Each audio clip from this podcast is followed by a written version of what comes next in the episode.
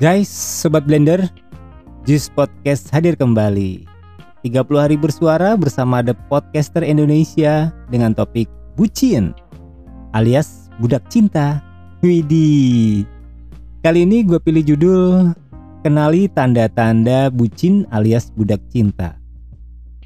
Bucin atau kependekan dari budak cinta adalah frasa yang belakangan ngetrend di kalangan warganet Predikat ini disematkan pada orang yang rela melakukan apa pun demi cintanya pada sang kekasih.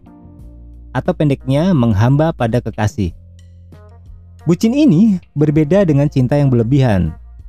Bucin biasanya melanda mereka yang berusia remaja atau kisaran 20 tahun. Meski tak menutup kemungkinan juga terjadi pada orang dengan usia yang sudah lewat dari remaja. Belakangan ini, sebagian orang kerap menggunakan kata bucin untuk mereka yang beromantis ria dengan pasangan.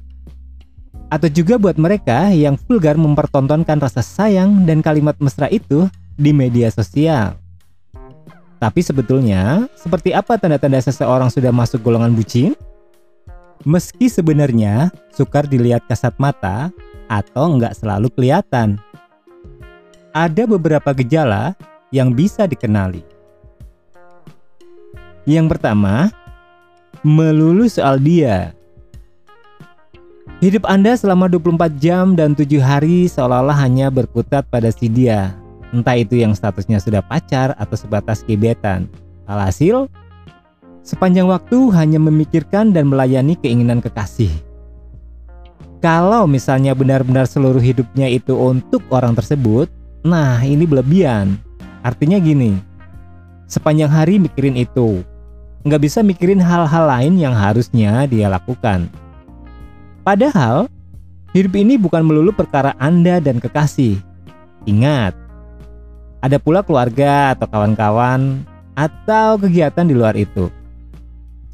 Selain itu, Anda bisa melakukan kegiatan lain, menekuni hobi atau kesenangan lain, juga bergaul dengan banyak kawan.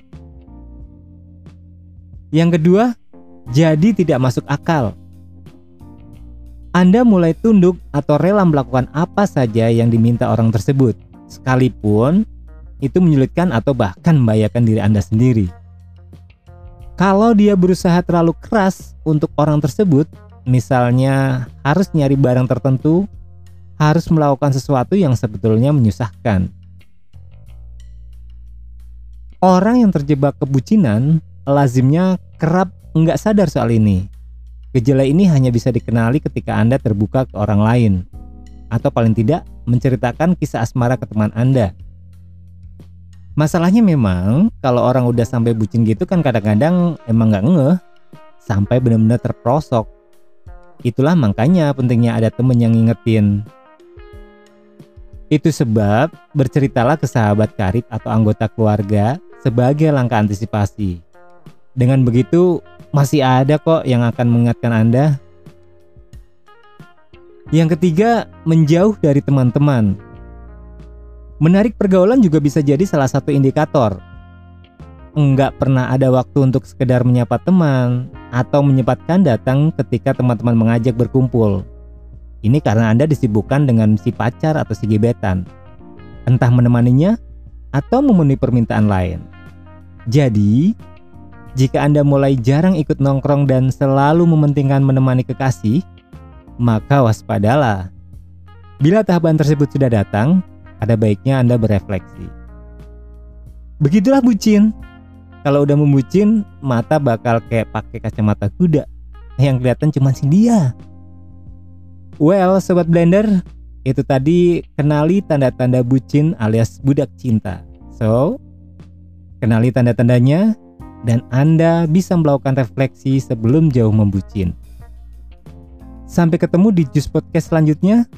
30 hari bersuara, The Podcaster Indonesia. Gue Alex Jermain pamit. Bye-bye.